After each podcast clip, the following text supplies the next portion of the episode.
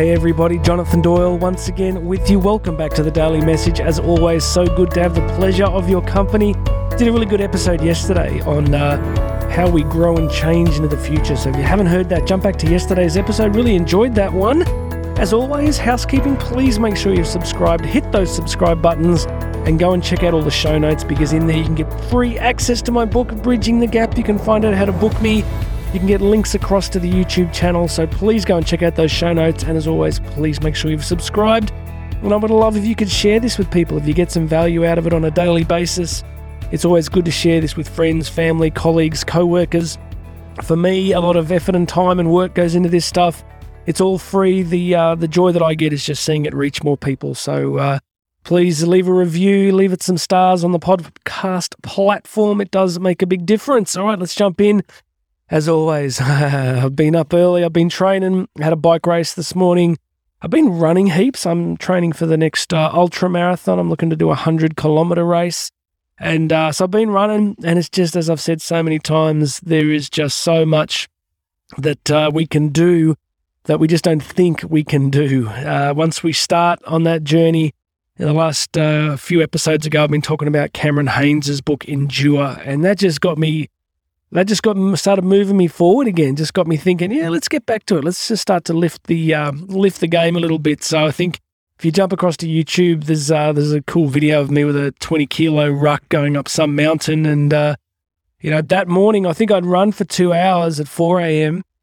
And then uh, in the afternoon, uh, did a 20 kilo ruck up some mountains. So it you know i'm almost what am i now 48 almost 50 it is amazing what the body can do. And uh, look maybe that's not your thing but my my insight is just simply to say that we, there is so much that we can do that we just don't because we don't think about it. We don't think it's possible. We think other people can do that sort of stuff which kind of ties into today's message. We're going to jump straight in. Today i want to share with you a great quote from stephen covey. Many of you would be familiar with him. He's uh he's passed away now but uh, was a real progenitor of, uh, I guess, the efficiency effectiveness movement that uh, re-emerged in the sort of 80s and 90s and into the start of the 21st century.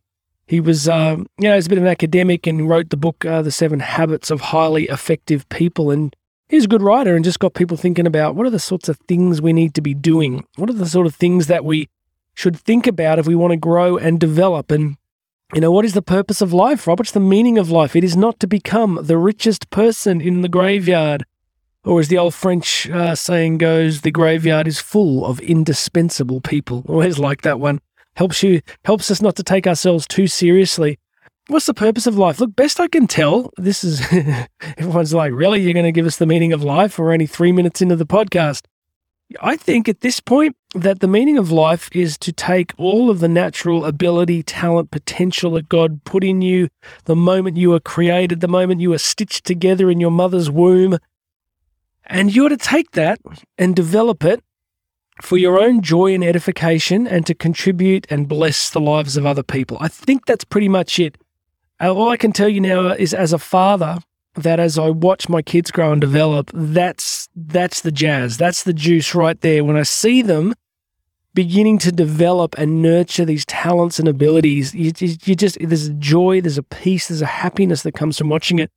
My eldest daughter, as many of you know, I coach her soccer team, and she's just a great kid. She's just a fantastic kid. We were so blessed and super fit. And we were at training last night, and uh, it was full gas. Her and I going against each other, and uh, in, a, in a competitive game, and just watching her, watching her just you know grow into this amazing young woman, and she's just so positive and healthy and fit. It's a great joy to watch and to see her develop these talents. My son, Aiden, is. Uh, you know, really getting into his music. You know, we're not. I mean, I've always played guitar and been able to sing a fair bit, but you know, we I didn't we didn't come I didn't come from a musical family, and to watch him, he's a really good drummer. You know, he's 13 and he's just really starting to get into his music. So, sorry, this is turning into a dad brag fest here. And then there's my youngest daughter, Stephanie, who's just got all these interesting, you know, things that she's into that are a great joy. So, all of this is my way of saying that my heart as a father is blessed by seeing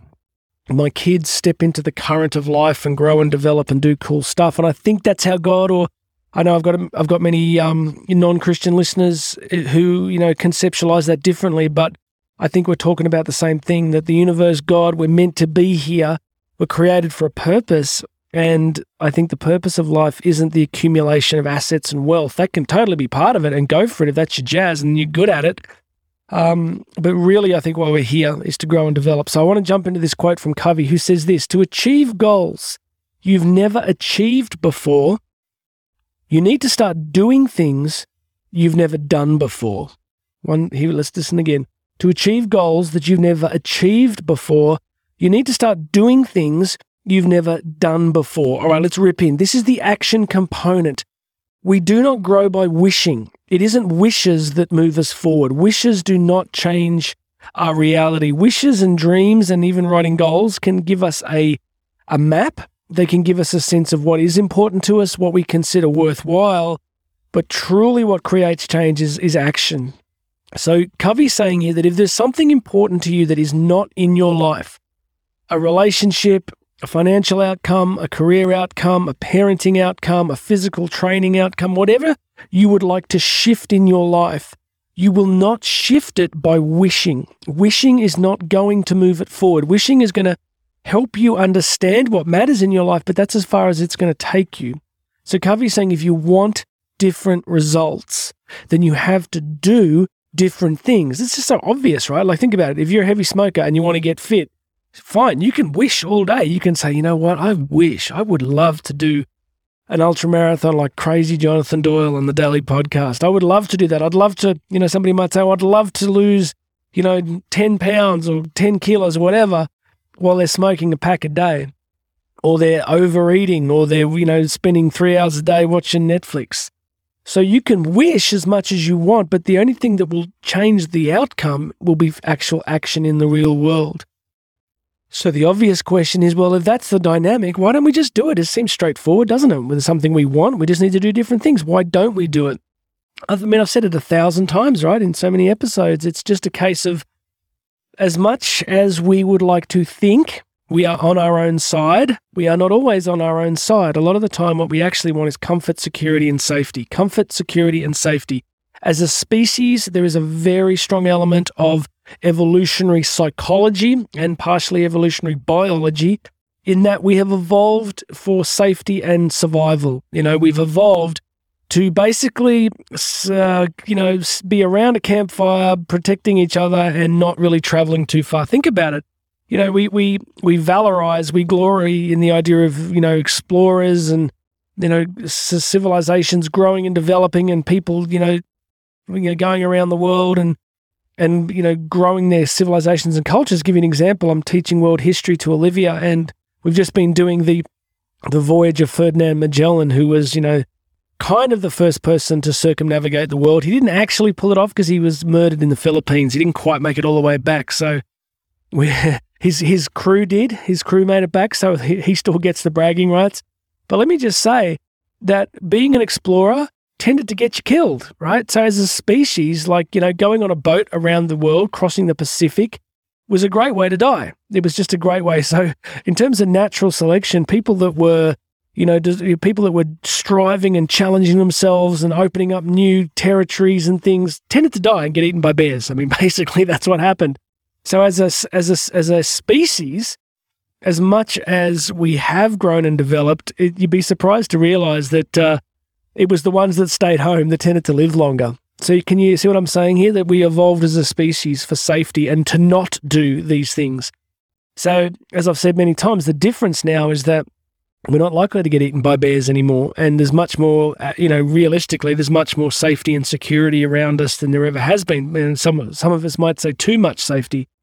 Uh, you know, for me, two second rant. Will you indulge me for a second? You know, I think we live in a culture of technocratic safetyism. Technocratic safetyism, the control by technocratic elites of many of our freedoms in terms of controlling our movements. I think we live in a surveillance state. I think freedoms are under significant challenge. Rant's about to finish, almost done. So, safetyism has become a quasi religion. So, again, when we want to change things, we've evolved and we've been surrounded by so much comfort and stability and predictability that doing different things is hard. It's painful. Let's riff on that for a second. Yes, it is exactly. It's hard. It's painful. And you know, me running, what I ran a half marathon a couple of days ago, uh, in just in training, right? It's hard. and then I finished with some hills, which I hate. It's just hard. So my brain has learned over a significant period of time just to deal with hard, to deal with pain, to deal with suffering and unpleasant things. So come back to Covey's quote to achieve goals you've never achieved before, you need to start doing things you've never done before. So, look, in, do not do, don't do me. Don't be me. I do relatively extreme things because I'm deeply driven by it. You know, I think um, I'm very transparent about it. I think I grew up. My, my father struggled with depression. He struggled with weight. He struggled with you know basically no physical activity, and it took a big toll on him. And I've I'm super clear. I'm not in denial. I think I've reacted to that much much of my life. I've pushed myself. I've wanted to to grow and develop and be strong and fit as much as it depends on me. You know, some of you would remember uh, after my accident in September 2019, when I almost died. Uh, I was in hospital for a long time, but as soon as I could walk, there's actual uh, footage of me in the hospital with a drip, one of those trolleys with a drip thing in it. So I, had, I was connected to the drip but I'm doing laps of the ward. True story on my Strava account. It's a real thing. I got up that first day and I did like seven laps of the ward, just doing going round and round. And then the next day I did like 10, and you can see it on Strava. I was literally training in the hospital. Oh, I shouldn't laugh. But uh, that's me. That's how I'm wired. You don't have to do that. What you need to do is do you. You need to identify okay, what do you want? and what actions and behaviors would you need to do to start moving towards it? Okay. And, you know, because there'll be people listening that do crazier things than me. But there'll be plenty of people listening go, oh, this is okay, John. I like listening to you, but, you know, I'm not, I'm not wired up for crazy the same way you are. I get it. But you are wired up for growth and you do have potential. And all you got to do is identify what you want and to take some small steps of action and then take a couple more steps and then take a couple more steps and keep moving forward. All right, last time from Stephen Covey. What does he say to us? To achieve goals you've never achieved before, you need to start doing things you've never done before. Risk, fear, the fear of rejection, failure, embarrassment. What if you're not good enough, strong enough, smart enough, pretty enough, handsome enough, popular enough, well connected enough? Well, we're not. None of us, none of us have it all. We've just got to risk being you know, we got to risk failure. We got to risk trying something and not pulling it off, and then getting some feedback and trying again. Oh, I'm going to limit myself. I'm going to stop. Otherwise, I'll just keep going and going and going. Whew, I enjoyed that one. All right. Have you subscribed? Have you subscribed? Have you hit that subscribe button on whatever podcast app you're listening on? Please go and do that. Leave a review, leave me some stars. It does make a big difference. Just you going to do that moves the podcast up the rankings and more people get to discover it. So do that. Go check out all the show notes. Uh, book me to speak, get yourself a free access pass to my book, Bridging the Gap. It's free, it's in the show notes. Hit that and uh, jump across to the YouTube version if you want to see me live. And I usually throw in a few videos of the craziness that I'm doing each day. So uh, uh, go check that out. All right, everybody, God bless you. Let's get moving forward today. Let's get the hustle on. My name is Jonathan Doyle. This has been the Daily Podcast, and I'm going to have another message for you tomorrow.